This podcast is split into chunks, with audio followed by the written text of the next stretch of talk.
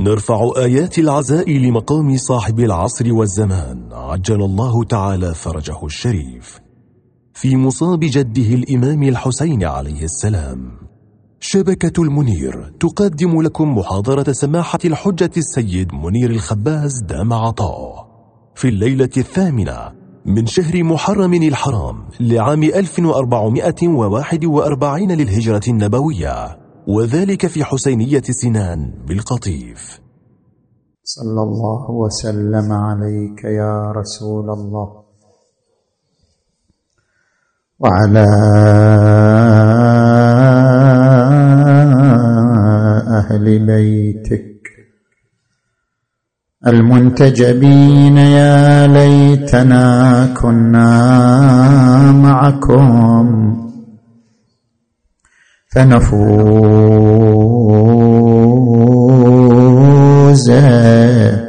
فوزا عظيما. أعوذ بالله من الشيطان الغوي الرجيم. بسم الله الرحمن الرحيم. قل إنما أنا بشر مثلكم. يوحى إلي أنما إلهكم إله واحد. آمنا بالله صدق الله العلي العظيم. صدى شوي خففوه.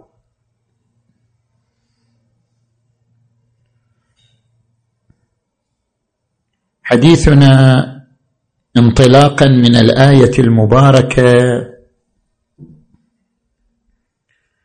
حول مساحة العنصر البشري في شخصية الرسول الأعظم صلى الله عليه وآله.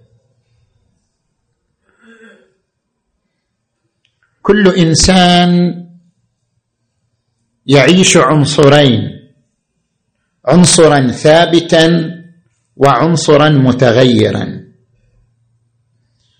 العنصر الثابت هو عبارة عن القيم الفطرية التي تحملها روح الإنسان.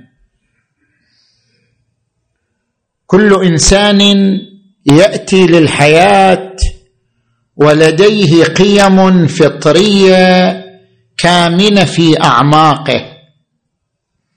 حب الخير حب العدالة حب الإحسان. ويشير إلى هذه القيم الفطرية قوله تعالى ونفس وما سواها فألهمها فجورها وتقواها. وكذلك قوله تعالى ان الانسان لربه لكنود وانه على ذلك لشهيد وانه لحب الخير لشديد. هذا العنصر ثابت ما يتغير في الإنسان. وهناك عنصر متغير في شخصية الإنسان ألا وهو الوجود المادي للإنسان الوجود الزمكاني الوجود المحاط بزمن ومكان. فإن هذا الوجود يتغير من طفولة إلى شباب إلى كهولة إلى شيخوخة تعرضه العوارض المختلفة. هذا الوجود المادي بجسمه بغرائزه بشهواته بميوله دائما هو في حالة تغير. الرسول صلى الله عليه وآله أيضا له عنصران غير العناصر الموجودة في البشرية كلها. عنصر ثابت وعنصر متغير. العنصر الثابت ألا وهو شخصيته الرسالية. ما كان محمد أبا أحد من رجالكم ولكن رسول الله وخاتم النبيين. شخصيته الرسالية عنصر ثابت لا يتغير أي أن جميع تعاليمه التي صدرت منه بما هو رسول تعاليم ثابتة تحتاجها البشرية في كل زمن وفي كل مكان وتحت أي ظرف. هذا عنصر ثابت. هناك عنصر متغير في شخصيته ألا وهو عنصره البشري. النبي بالنتيجة بشر والبشر معرض لملابسات متغيرة. النوم اليقظة التعب الراحة المرض الصحة اللذة الألم الحزن الفرح. النبي من حيث هو بشر معرض لهذه الملابسات المختلفة التي تعرض على كل إنسان. فهو من هذه الجهة عنصر متغير. لذلك نرى القرآن الكريم ينقل لنا كلمات المشركين في حقه إنه هذا مثلنا عنصر متغير. وقالوا ما لهذا الرسول؟ يأكل الطعام ويمشي في الأسواق. لولا أنزل عليه ملك فيكون معه نذيرا. هذا مثلنا يأكل الطعام ويمشي في الأسواق. وتقول آية أخرى عنهم ما هذا إلا بشر مثلكم يأكل مما تأكلون منه ويشرب مما تشربون فهو مثلكم عنصر متغير. وقال النبي صلى الله عليه وآله بلسان القرآن عن نفسه سبحان ربي هل كنت إلا بشرا رسولا. إنما السؤال ما هي مساحة العنصر البشري في شخصية النبي؟ له عنصران ثابت وهو الرسالة متغير وهو البشرية. ما هي مساحة العنصر البشري في شخصيته صلى الله عليه وآله؟ وهذا ما يدعونا للبحث عن سؤال آخر يرتبط بالعنصر البشري. هل كان النبي صلى الله عليه وآله مجتهدا؟ هل كان يمارس عملية الاجتهاد كما يمارسها الفقهاء كما يمارسها المجتهدون تاكيدا لعنصره البشري الذي تعيشه شخصية النبي صلى الله عليه وآله. نحن إذا نظرنا إلى بشريته من الطبيعي نقول بما أنه بشر اذا له عقل.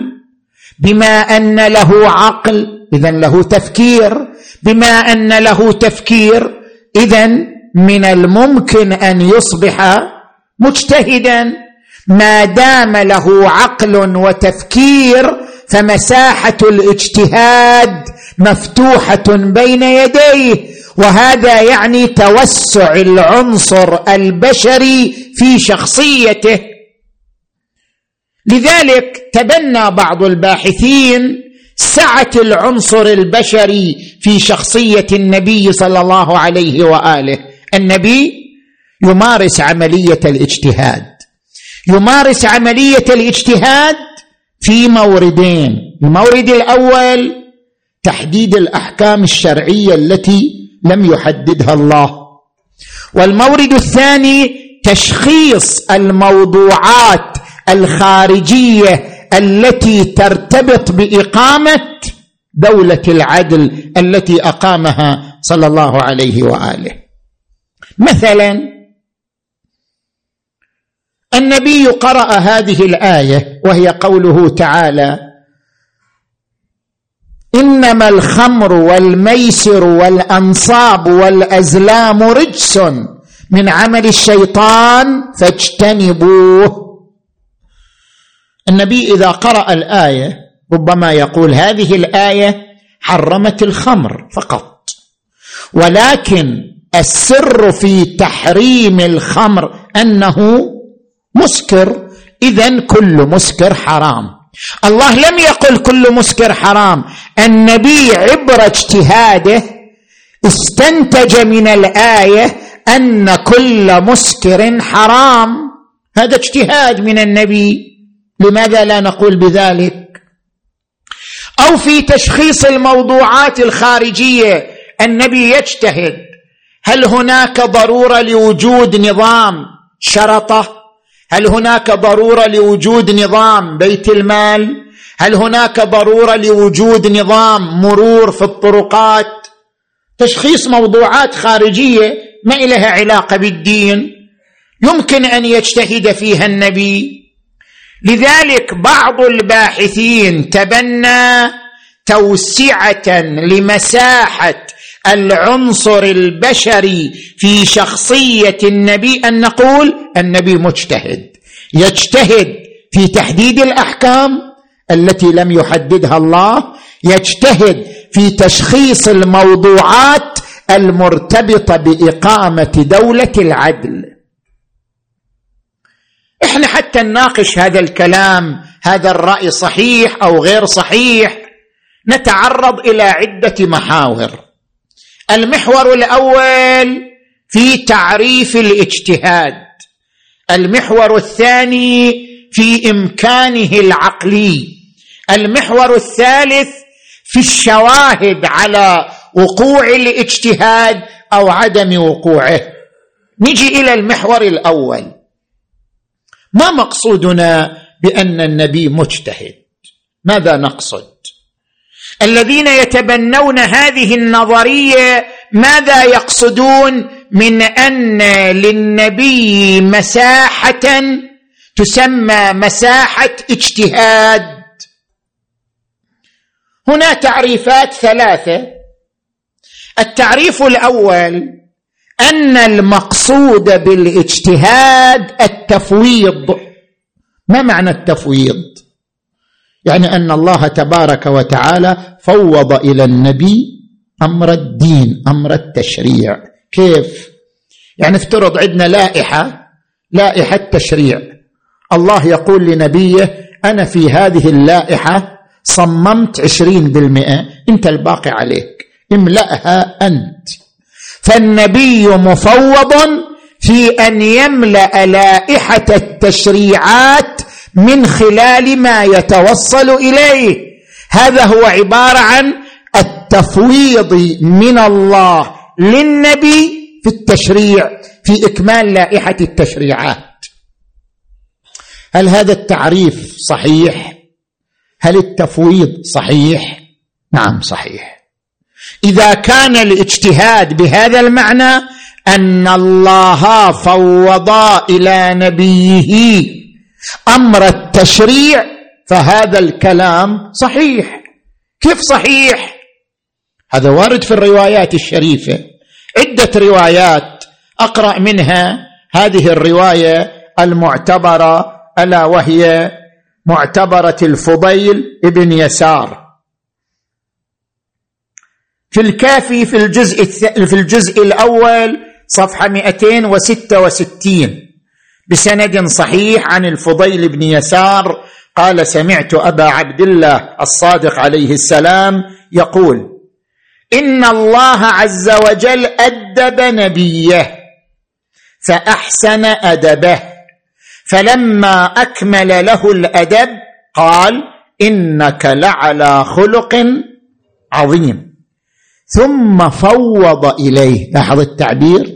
ثم فوض إليه أمر الدين والأمة ليسوس عباده. يعني الهدف من هذا التفويض أن يدير شؤون الأمة كما قلنا إقامة الدولة العادلة. فقال عز وجل ما آتاكم الرسول فخذوه وما نهاكم عنه فانتهوا. وإن رسول الله لاحظوا هذا تعبير جدا دقيق. وإن رسول الله صلى الله عليه وآله كان مسددا موفقا مؤيدا بروح القدس. مو فقط عيسى بن مريم وأيدناه بروح القدس أيضا النبي كان مؤيدا بروح القدس. مؤيدا بروح القدس. يعني شنو مؤيد؟ لا يزل ولا يخطئ في شيء مما يسوس به الخلق. كل موضوع يدخل فيه النبي كل موضوع يرتبط بالدولة العادلة كل موضوع يرتبط بإدارة أمر الأمة. إذا دخل فيه النبي فإنه لا يزل ولا يخطئ. فإنه مؤيد بروح القدس. ثم يقول يجيب مثال الإمام.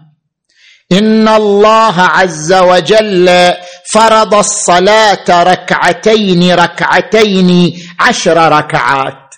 يعني الذي فرضه الله ركعتين في الظهر وركعتين في العصر وركعتين في العشاء وركعتين في الفجر فأضاف رسول الله. هنا التفويض صار.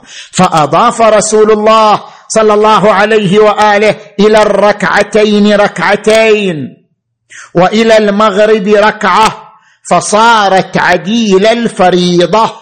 لا يجوز تركهن لا يجوز تركهن إلا في سفر وأفرد الركعة في المغرب فجعلها قائمة في السفر والحضر فأجاز الله عز وجل له ذلك كله.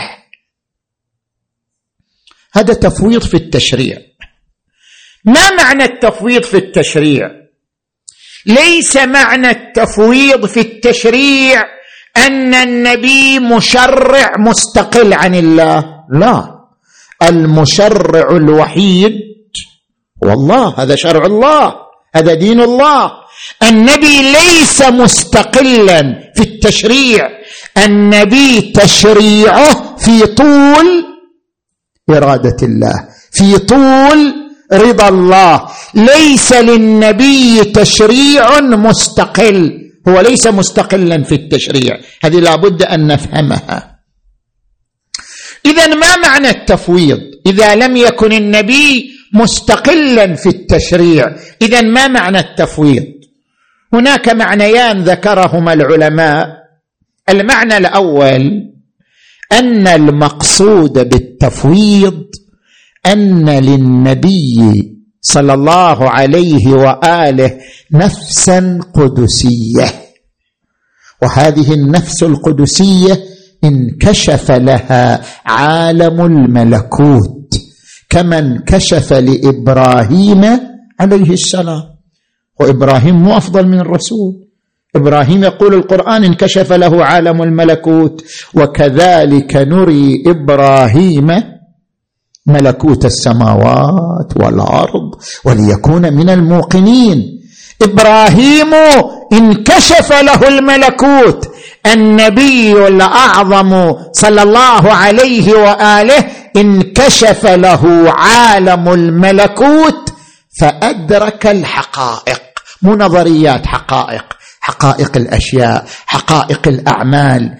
لأنه أدرك الحقائق علمه دائما يتطابق مع علم الله. وإرادته دائما تتطابق مع إرادة الله. فعلمه انعكاس لعلم الله. وإرادته مظهر لإرادة الله. لأنه أدرك الواقع على ما هو عليه. أدرك حقائق الأشياء على ما هي عليه فطابق علمه علم ربه وطابقت إرادته إرادة ربه. لذلك لا يصدر منه تشريع إلا وهو مطابق لعلم الله وإرادته. وهذا هو معنى فأجاز الله له ذلك. أجاز الله مو الله ينتظره متى يشرع بعدين يقول أجزته. لا أجاز الله له ذلك يعني من الأول. هذا تعبير كنائي. كناية عن تطابق علمه مع علم الله وإرادته مع إرادة الله. هذا المعنى الأول للتفويض. المعنى الثاني للتفويض. نحن قرأنا في الليلة السابقة هذه الآية المباركة.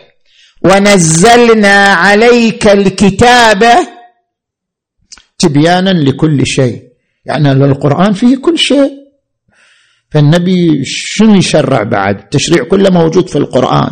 أين التفويض؟ أين التشريع النبوي؟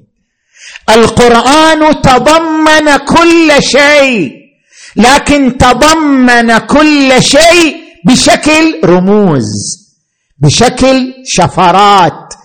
المفوض الوحيد في فك هذه الرموز وتفسير هذه الشفرات بحيث تتحول إلى تشريعات ثابتة هو محمد. صل وسلم على محمد هذا معنى أن النبي فوض له أمر التشريع فهناك معنيان للتفويض. اذا إذا كان المقصود بالاجتهاد هذا المعنى مقبول هذا كلام مقبول صحيح. زين. نجي إلى المعنى الثاني.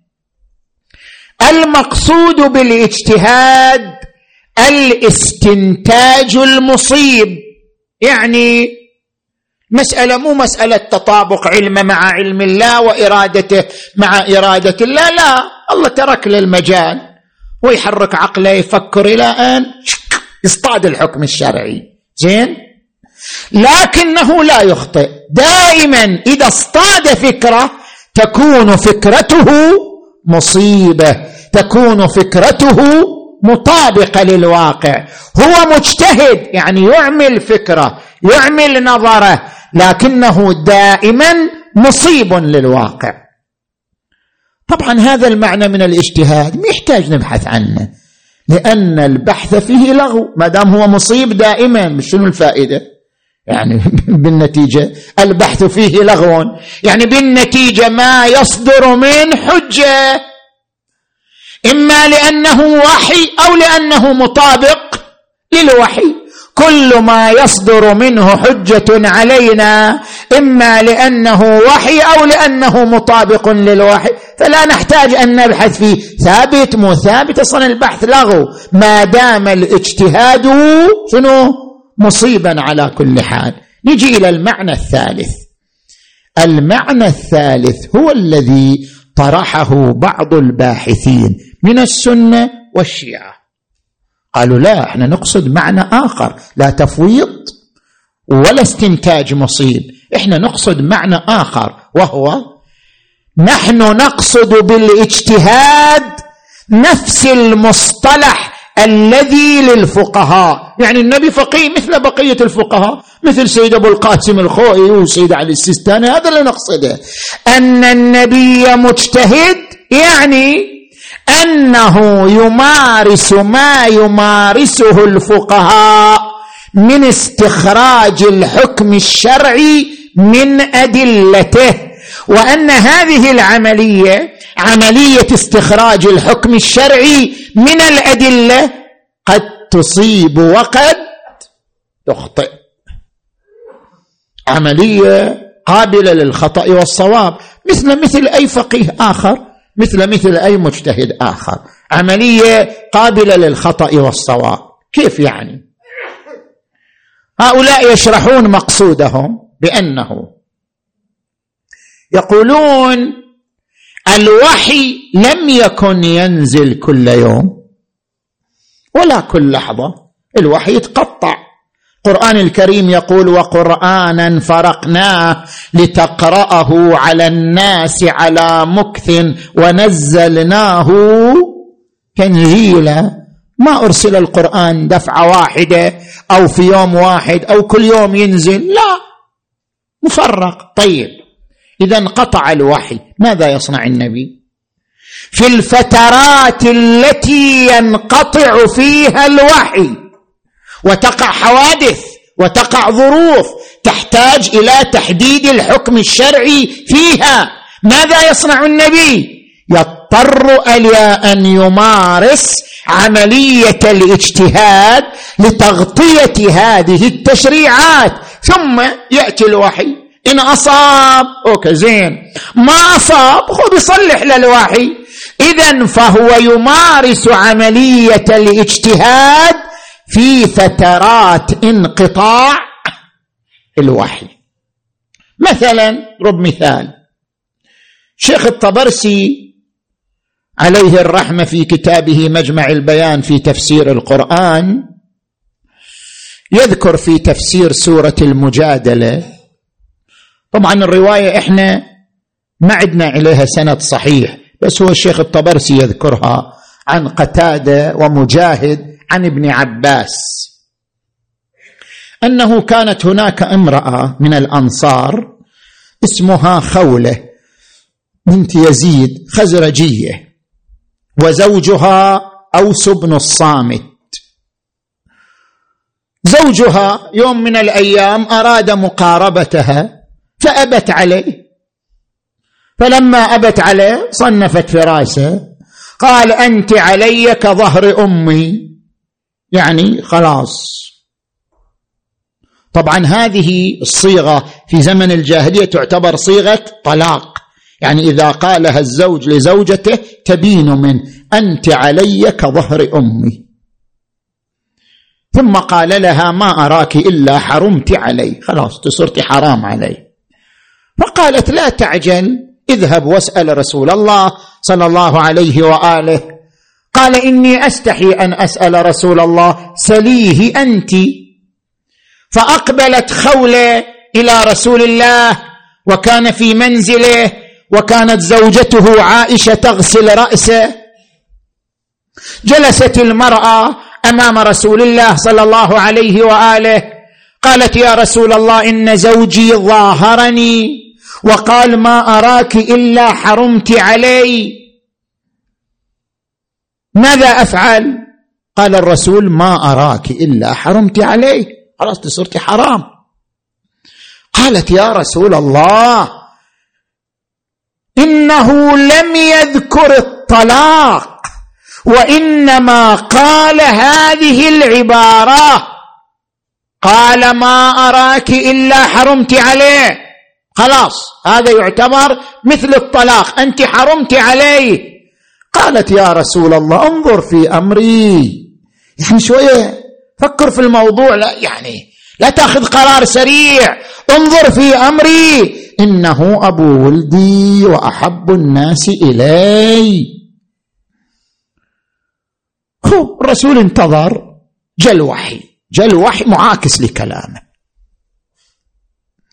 قد سمع الله قول التي تجادلك في زوجها وتشتكي إلى الله والله يسمع تحاوركما. إن الله سميع بصير. إلى أن قال إن الذين يظاهرون من نسائهم ما هن أمهاتهم إن أمهاتهم إلا اللائي ولدنهم وإنهم ليقولون منكرا من القول وزورا. يعني الظهار عملية غير صحيحة ولا يترتب عليها أثر أصلا. يعني ليس طلاقا. ولهذا الآن إحنا عندنا الإمامية الظهار هو صحيح كلام حرام بس ما يترتب عليه أثر. إذا واحد قال لزوجته أنت علي كظهر أمي الكلام حرام. إذا قاله متعمدا يدفع كفارة. أما لا تبين زوجته منه. مو طلاق هذا. فالوحي خطأ النبي. قال لك هو هذا مقصود. يخطئ يجتهد حتى يغطي الحاجة بس. قد يخطئه الوحي. قد يصحح له الوحي. ما هي الثمرة العملية المترتبة على هذا الرأي؟ ثمرة واضحة بعد.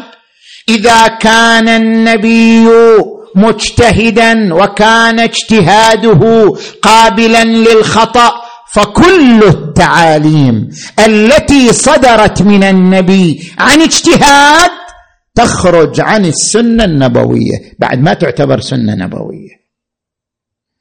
لأن النبي لم تصدر منه هذه التعاليم لأنه رسول وإنما صدرت عنه لأنه مجتهد. هذه مو سنة نبوية. والسنة النبوية لها أحكام. السنة النبوية حجة على كل مسلم. هذه التعاليم الاجتهادية ليست حجة. السنة النبوية تعرض عليها الأحاديث. يعني الآن إحنا عندنا كل الروايات الواردة عن أهل البيت نعرضها على القرآن. ونعرضها أيضا على سنة النبي محمد صلى الله عليه وآله. صل وسلم على محمد في صحيح أيوب بن الحر كل حديث عن الإمام الصادق عليه السلام كل حديث مردود إلى الكتاب والسنة. يعني لازم نعرض على الكتاب وسنة النبي. وما لا يوافق كتاب الله فهو زخرف. وفي صحيحة يونس بن عبد الرحمن عن هشام بن الحكم عن الصادق عليه السلام لا تقبلوا علينا ما خالف قول ربنا وسنة نبينا. اذا السنة النبوية لها قيمة معينة. لذلك التعاليم التي تصدر عن النبي عن اجتهاد ليست من السنة النبوية لا تترتب عليها أحكام السنة النبوية. هذا المحور الأول. بعدني في أول الطريق يعني الليلة يكون تتحملني. مو كل ليلة مثل كل ليلة. كل ليله لها شكل. زين. فالمحور الأول تعريف الاجتهاد الذي نبحث فيه. الاجتهاد الذي نبحث فيه هو هذا. استخراج الحكم الشرعي من أدلته في عملية قد تخطئ وقد تصيب. هذا هو محل البحث. طيب. نجي إلى المحور الثاني. هل أن هذا الاجتهاد معقول في حق النبي؟ نبحث الآن عن الإمكان العقلي. والمقصود بالإمكان العقلي كما يعبر علماؤنا نبحث عن الإمكان الوقوعي. لا عن الإمكان الذاتي وبالعنوان الأول لا بالعنوان الثانوي. خل أشرح لك هذه المصطلحات. يعني إحنا الآن ما نبحث في النبي كبشر؟ النبي بما هو بشر يمكن أن يصير مجتهد. بما هو بشر ممكن. نحن نبحث عن النبي بما هو رسول. هل النبي بعد المفروغية عن كونه رسولا؟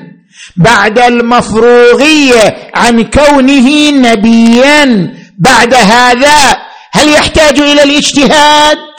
هل يمارس الاجتهاد أم لا؟ نحن نبحث في الإمكان الوقوعي وإلا بما هو بشر إذا انجرد من النبوة طبيعي ممكن يصير مجتهد. لا هو بما هو بشر مع غمض النظر عن النبوة ممكن يصير مجتهد. لا إحنا ما نتكلم في هالنقطة. بما هو نبي ورسول. هل يمارس الاجتهاد أم لا؟ هذا معنى الإمكان الوقوعي. وأيضا نحن نبحث بالعنوان الأول لا بالعنوان الثانوي. كيف؟ إحنا عندنا عبارة للسيد المرتضى علم الهدى في كتاب الذريعة وللمحقق الحلي في كتاب المعارج وللشيخ الطوسي في كتاب العدة يقولون يجوز عليه الاجتهاد يعني على النبي إذا اقتضته المشيئة الإلهية. طبعا هذا مو محل بحثنا إذا الله يريده بعد بعد إذا اقتضته المشيئة طبيعي لا يتخلف مراد الله عن إرادته. هذا مثل ما الآية اللي نقرأها وهي شنو؟ سنقرئك فلا تنسى إلا ما شاء الله. طبيعي. لو شاء الله لنبيه أن ينسى لابد أن ينسى. النسيان المستند إلى المشيئة لا كلام فيه ولا بحث فيه. أما هل النبي ينسى بذاته؟ لا. بذاته لا ينسى لأن المقرئ له والله تبارك وتعالى. كذلك الآن إحنا ما نبحث في الاجتهاد بمشيئة الله؟ الاجتهاد المستند إلى مشيئة الله لا بد أن يقع. هذا مو محل بحثنا. نبحث عن الاجتهاد في حد ذاته. هل النبي الرسول يحتاج أن يمارس الاجتهاد في حد ذاته مع غض النظر عن دعوى المشيئة الإلهية؟ هذا هو الذي نبحث عنه. وهذا معنى بالعنوان الأولي. لا بعنوان المشيئة الإلهية. طيب ممكن لو مو ممكن إحنا نطرح ثلاثة أسئلة ونجيب عنها. طبعا واحد يقول أنت دوختنا الليلة. وكل ليله دخلتنا في أشياء ما أدري وش. ما أدري وش وش أنت تريد توصل؟ زين؟ هذا كله البارحة إحنا تحدثنا عن العلم اللدني والعصمة. هذا امتداد للبحث في العلم اللدني والعصمة. وأيضا هذا إلى بحث امتدادات ستأتي بعد العاشر محرم. أبحث عن المتغير والثابت في سنة النبي صلى الله عليه وآله. يعني الآن بحوث كثيرة قائمة أنه هل أكو أشياء متغيرة في سنة النبي؟ يعني إحنا مو ملزمين بها الآن في عصرنا الحاضر أو لا؟ كل ما صدر من النبي فهو ثابت ولا يتغير. هذه كلها أبحاث مترابطة. أنا الآن أبحث في هذه النقطة. ألا وهي مسألة إمكان الاجتهاد على النبي صلى الله عليه وآله. نطرح ثلاثة أسئلة. السؤال الأول هل يتنافى الاجتهاد مع العلم اللدني؟ هل يتنافى الاجتهاد مع عصمة النبي؟ هل يتنافى الاجتهاد مع حجية سنة النبي؟ ثلاثة أسئلة نذكرها ونجيب عنها. سؤالي الأول هل يتنافى الاجتهاد مع العلم اللدني للنبي صلى الله عليه وآله أم لا؟ إذا إنسان ما يعتقد بالعلم اللدني يقول أنا ما أعتقد النبي ما عنده علم لدني. لا الاجتهاد ما يتنافى لأنه ما عنده علم لدني أصلا. أما إذا اعتقدنا كما نحن نعتقد أن للنبي علما لدنيا. وما معنى أن للنبي علما لدنيا؟ ذكرنا في الليلة السابقة والآن أوضح أكثر. ذكرنا في الليلة السابقة أن عندنا دليلين على علم النبي. الدليل الأول قوله تعالى ونزلنا عليك الكتاب تبيانا لكل شيء. مو كل شيء من أمور الدين لا. كل شيء يرتبط بإقامة الدولة العادلة فقد بينه الكتاب وقد فهمه النبي وقد تعلمه النبي. كما ذكرنا. ليش؟ اولا للجمع بين الآيتين. آية قرآنية قالت لقد أرسلنا رسلنا بالبينات وأنزلنا معهم الكتاب والميزان ليقوم الناس بالقسط. يعني الهدف من وجود الأنبياء إقامة دولة عاد يقوم الناس بالقسط هذا معنى يعني دولة عادلة. بما أن آية تقول الهدف من وجود الأنبياء إقامة المجتمع العادل الدولة العادلة. وعندنا آية أخرى تقول ونزلنا عليك الكتاب تبيانا لكل شيء. إذا أكو عربي يجمع بين الآيتين شنو يستنتج؟ يستنتج تبيانا لكل شيء مما يرتبط بإقامة الدولة العادلة مما يرتبط بإقامة المجتمع العادل. الجمع بين الآيتين يقتضي الوصول إلى هذا المعنى. هذا بلحاظ نفس الآية. وطبعا أنا من أفسر هالآية روايات موجودة. موثقة عبد الأعلى مولى آل سام. عن الإمام الصادق عليه السلام سأله عن تفسير هذه الآية ونزلنا عليك الكتاب تبيانا لكل شيء. قال في الكتاب خبر السماء وخبر الأرض وخبر ما كان وما هو كائن إلى يوم القيامة. كله موجود في الكتاب بس موجود بشكل شنو؟ رموز وشفرات يعرفها من نزل الكتاب على قلبه وهو محمد. صل وسلم على محمد اذا هذه الآية تدل على وجود علم لدني لديه وهو علمه بكل ما تحتاجه الأمة بكل ما يرتبط بإقامة الدولة العادلة. وقد قرأنا في رواية في رواية الفضيل بن يسار أن الله فوض إليه كل ما يرتبط بسياسة أمر الأمة. الله فوض إليه باعتبار وجود العلم اللدني. فإذا لم نقبل بالآية لا أقل بالروايات. طيب إحنا ذكرنا في الليلة السابقة توجد اثنان وثلاثون رواية. اثنان وثلاثون رواية إذا جمعتها يحصل لك الوثوق والاطمئنان بمدلولها وهو أن للنبي علما لدنيا. طيب اللي عنده علم لدني ويعرف حقائق الأشياء يحتاج يجتهد بعد؟ يجتهد بعد ليش يعني؟ الاجتهاد مجرد وسيلة وليس غاية. لماذا الاجتهاد؟ لأجل الوصول إلى الواقع. فإذا كان لدى النبي علم بالواقع فلا حاجة له إلى ممارسة الاجتهاد.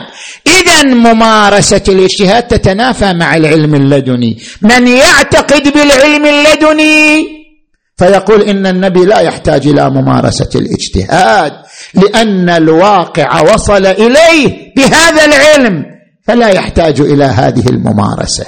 مو لقصور فيه مو قاصر وعقله كبير لكن الكلام أنه لا يحتاج لذلك لوجود العلم اللدني لديه. زين هذا بالنسبة إلى السؤال الأول. نجي إلى السؤال الثاني. السؤال الثاني هل أن الاجتهاد يتنافى مع عصمة النبي صلى الله عليه وآله؟ قد يقول قائل لا شكوا بيها هو مجتهد. ومعصوم. ليش؟ لأن للنبي شأنين. شأن يخبر فيه عن الله. شأن يخبر فيه عن اجتهاده. إذا أخبرنا عن الله فهو معصوم. أما إذا أخبرنا عن اجتهاده فيمكن أن يكون مخطئا. فنفصل. لذلك بعض الباحثين فصل في عصمة النبي. قال النبي معصوم فيما يخبر به عن الله. أما فيما يخبر به عن اجتهاده ورأيه فليس بمعصوم. ما هو المانع من التفصيل في العصمة؟ شنو المشكلة؟ التفت إلي جيدا.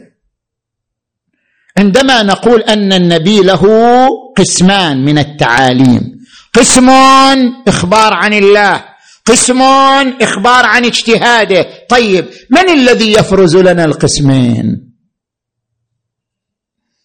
من هو اللي يفرز؟ يقول هذا عن الله وهذا عن اجتهاد. من هو؟ من؟ بعد ما عندنا طريق إلا النبي نفسه. يعني في عندنا طريق ثاني. وما يجي لنا جبرائيل يعلمنا ترى ديروا بالكم ترى هذا عن الله وترى هذا عن الله. ما عندنا ما عندنا إلا النبي هو نفسه. لا باب لنا للفرز إلا نفس النبي هو اللي يفرز. يعني هو بيده الأول والآخر كل شيء بيده. كل شيء بيده اولا واخرا.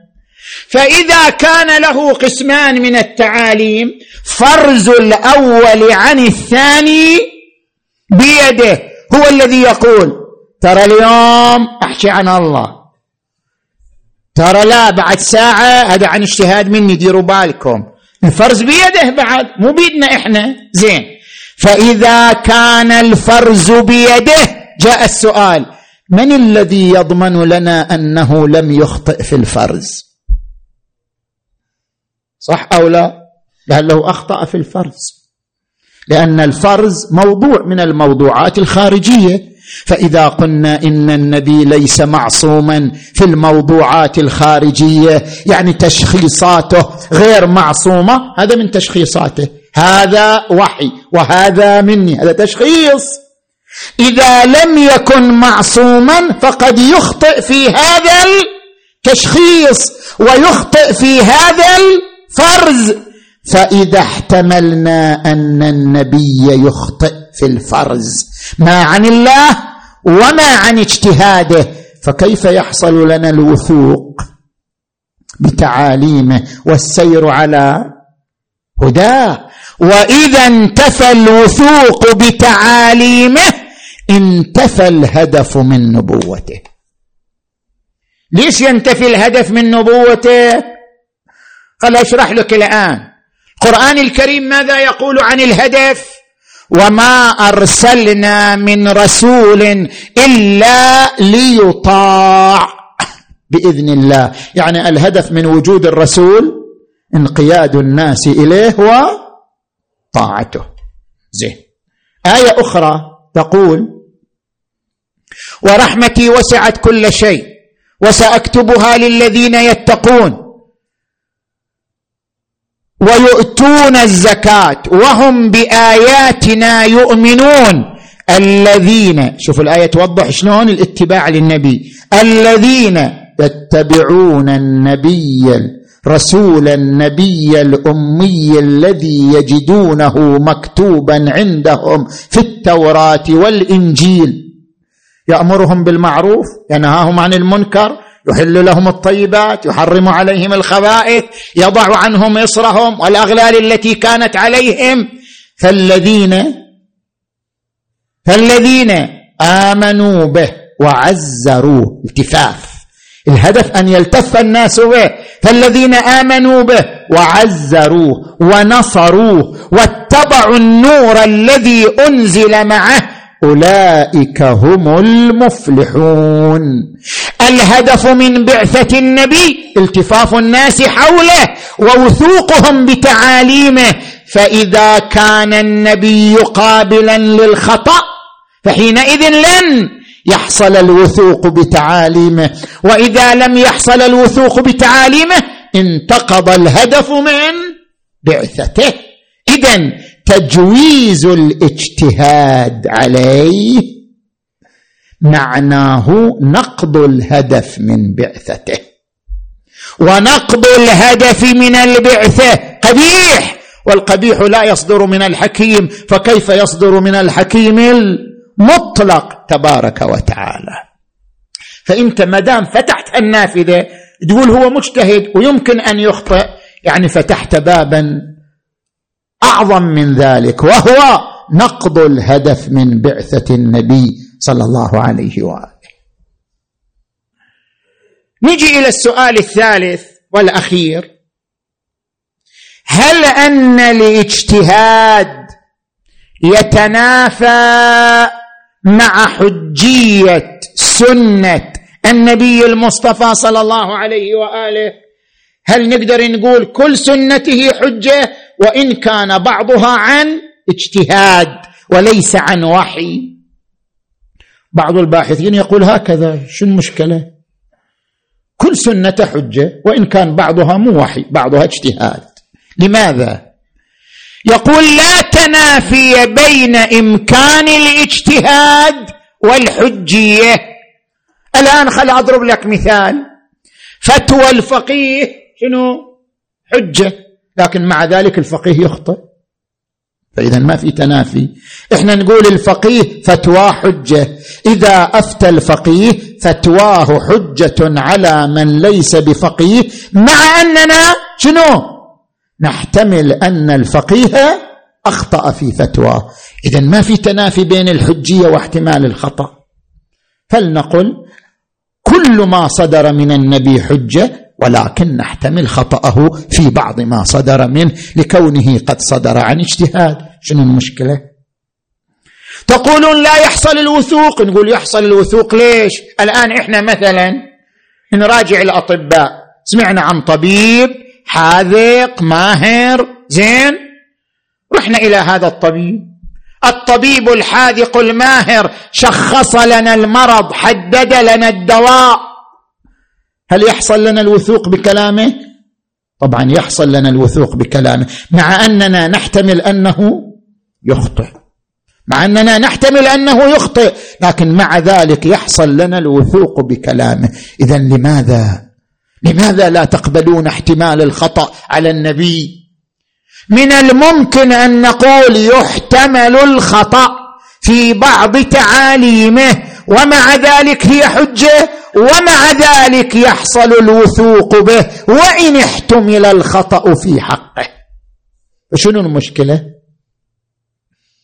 الجواب. التفت لي جيدا اولا هناك فرق بين الحجية الظاهرية والحجية الواقعية. لا يصير خلط بين الأمرين.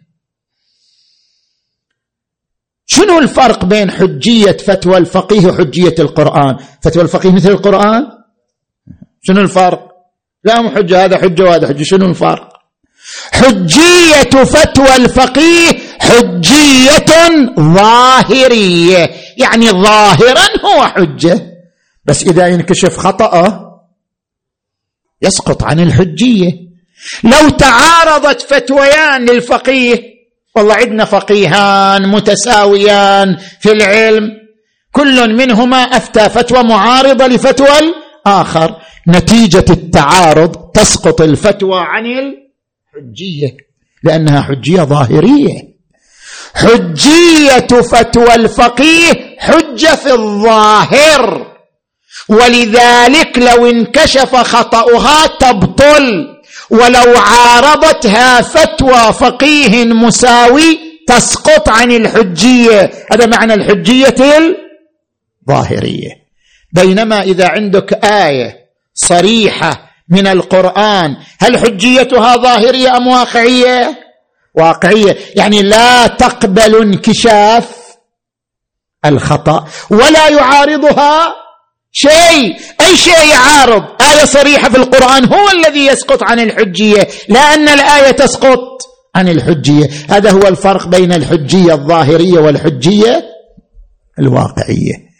الآيات المباركات التي تدل على حجية سنة النبي تدل على أن حجية سنة النبي حجية واقعية لا. ظاهرية. فلا يقاس حجية النبي على حجية فتوى الفقيه. هذا خلط بين الأمرين. حجية فتوى الفقيه ظاهرية. لذلك تجتمع مع احتمال الخطأ. أما حجية سنة النبي كحجية القرآن حجية واقعية. ولذلك لا تجتمع مع احتمال الخطأ ولا يعارضها شيء إلا ويسقط هذا المعارض عن الحجية. فلا نخلط بين الأمرين. زين. أيضا هناك فرق. ثانيا هناك فرق بين الوثوق الجزئي والوثوق التام. الطبيب الحاذق نثق به وثوق جزئي أو وثوق تام؟ وثوق جزئي. يعني هذا الطبيب الحاذق يجلس في المستشفى سنة كاملة. كم علاج صدره خلال سنة؟ افترض خمسمائة علاج.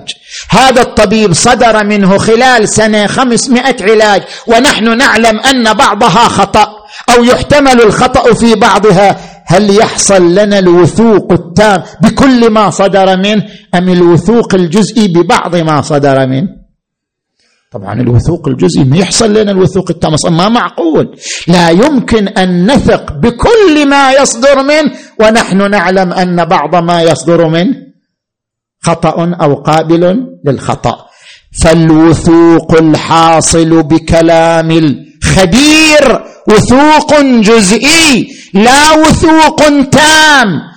والهدف الذي أراده الله من بعثة النبي صلى الله عليه وآله ليس الوثوق الجزئي وإنما وإنما الوثوق التام. الله ما يريدك تثق بالنبي في بعض تعاليمه أو بعض كلامه.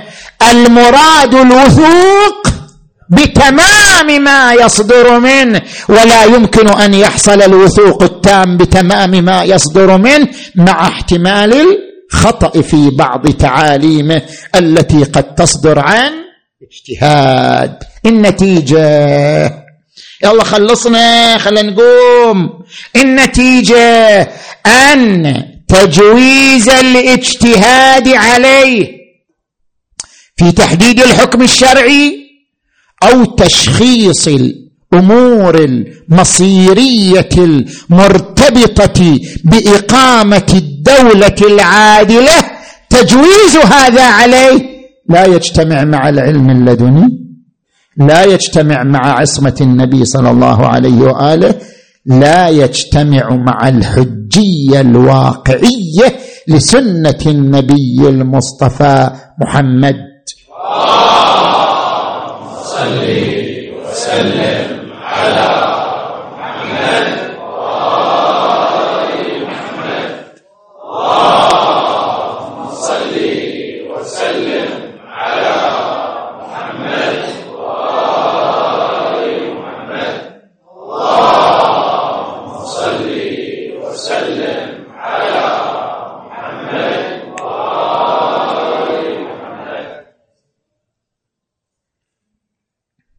بعد ما عندي مجال أتعرض للمحور الثالث أخليه إلى ليلة أخرى. نقول عندما نقول إن النبي صلى الله عليه وآله له عنصر بشري وله عنصر رسالي فليس وجود العنصر البشري في شخصية النبي نقصا ابدا. ليس معنى أن النبي بشر أنه يعيش نقص لا. النبي عظيم في حد ذاته وإن لم يكن نبيا. محمد صلى الله عليه وآله يحمل مؤهلات العظمة وإن لم يكن نبيا. ولولا أنه يحمل مؤهلات العظمة في حد ذاته لما بعثه الله. نبيا. إنما بعثه الله نبيا لأنه في نفسه يمتلك قابليات وكفاءات ومؤهلات جعلته من أعظم القادة في التاريخ. ولذلك يقول الشاعر الازري قلب الخافقين. الله قلب الخافقين ظهرا لبطن فراى ذات احمد. شاف قابليات نادرة قابليات متميزة. فراى ذات احمد فاصطفاها. لم يكن اشرف النبيين حتى علم الله انه ازكاها. صل وسلم على محمد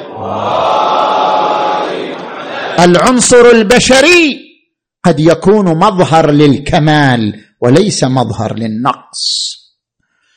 الإنسان يتميز على كل المخلوقات بإرادته والإرادة عنصر بشري.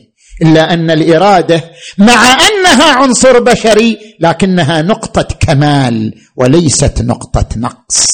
الإنسان بالإرادة يبني المعجزات. الإنسان بالإرادة يبدع ويعطي وينجز. الإرادة البشرية مع أنها عنصر بشري لكنها نقطة كمال وليست نقطة نقص.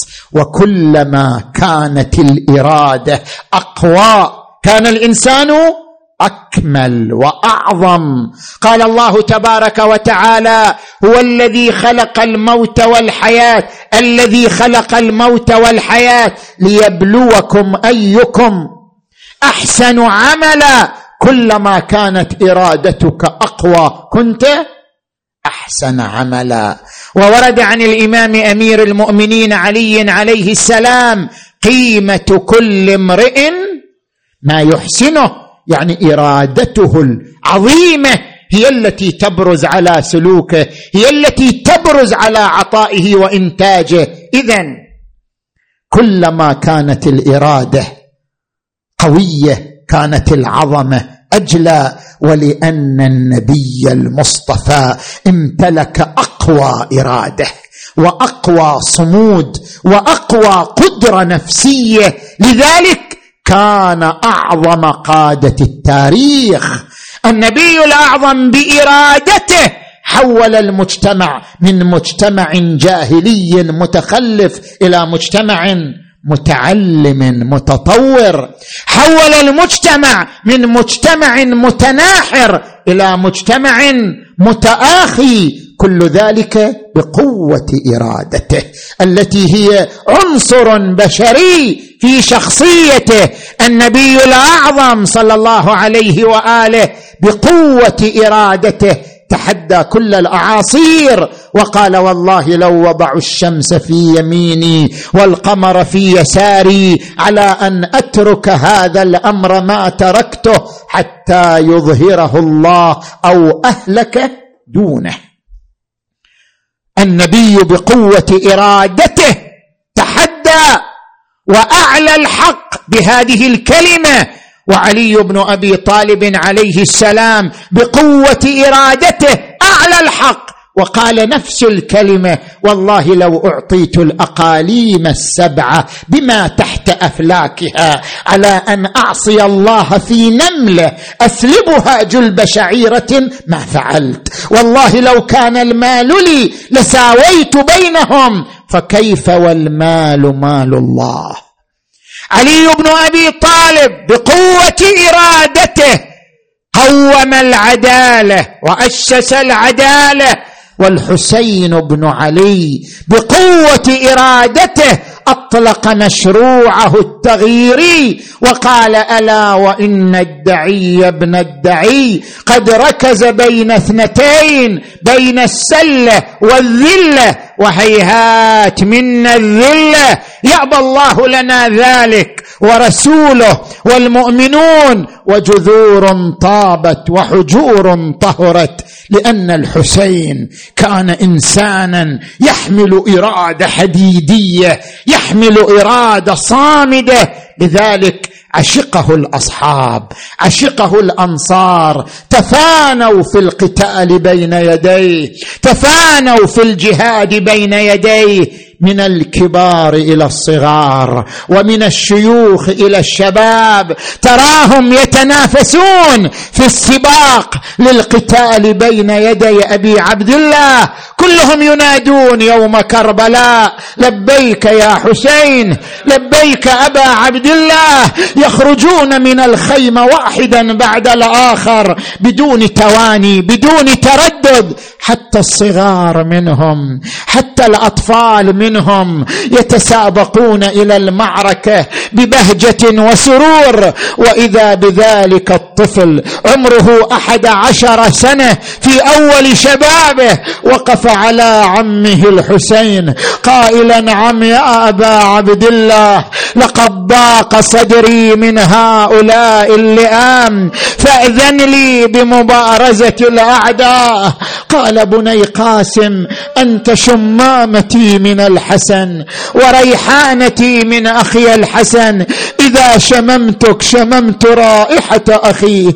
إذا رأيتك تذكرت أخي. والله لا أسلمك للموت لا أسلمك للقتال. قال عم أبا عبد الله ائذن لي في القتال. لقد ضاق صدري. لا أستطيع أن أتحمل. أرى إخوتي قتلى وأنا جالس في إذن لي يا أبا عبد الله.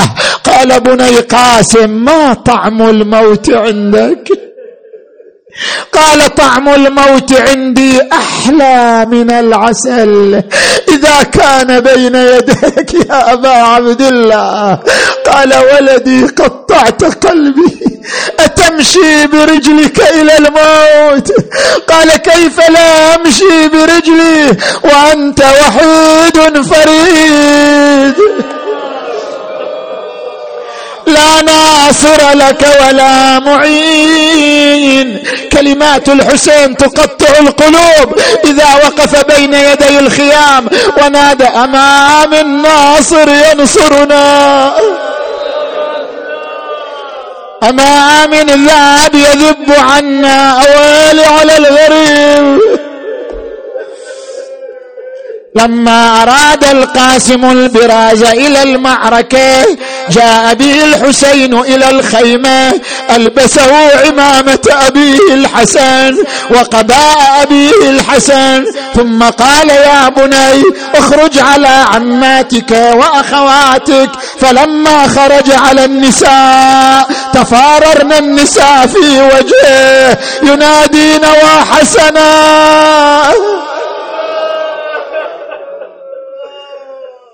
هذه تضماه هذه تشماه هذه تتزود منه ثم قال بني قاسم استاذن إلى المعركة فأذن له ضمه الحسين إلى صدره. أقبلت زينب إليه ضمته إلى صدرها ونادت ولدي قاسم. ارحم غربتنا ارحم وحدتنا. قال عم زينب أريد نصرة الغريب أبي عبد الله. ومصيبتاه وفاجعتاه. عظم الله أجوركم. فانقلب إلى المعركة. وقف ينادي إن تنكروني فأنا نجل الحسن. سبط النبي المصطفى والمؤت.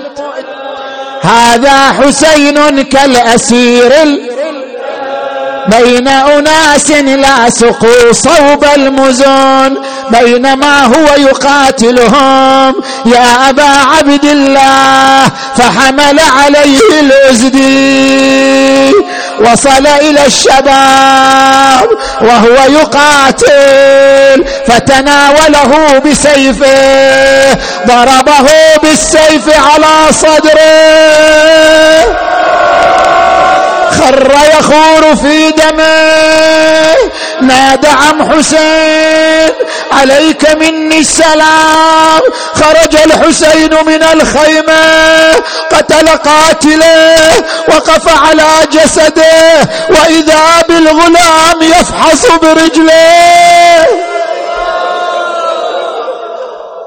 والدم يسيل على أوداجه انحنى عليه نادى ولدي قاسم يعز على عمك أن تناديه فلا يجيبك أو يجيبك فلا ينفعك. هذا يوم والله كثر واتره وقل ناصره. يقول حسين يا جاسم اش بيدي يا ريت السيف حز قبلك. وريدي يهون لكم تخلوني. وحيدي على خيمي عم القوم تفتر. جابه ومدده ما به. إيه ويا الحسين ها مأجور حامل جنازة الغلام على ظهره وجاي يسحب إلى الخيمات. قم يا زينب استقبل الغلام. جابه ومدد ماده قاعدهم يا ويلي وهم. ولما نسمع عن النسوان. اجت زينب تصيح الله. مبارك بين سبعين ألف جاه بدال الشمع بالنشاب زف. عن الحين بدم الراس. ويلي للقبر يا ولدي. زفينا المحنة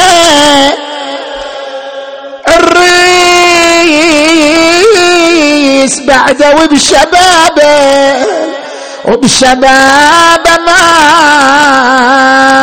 تهن ولو يندخل قبره يا يا يا قبره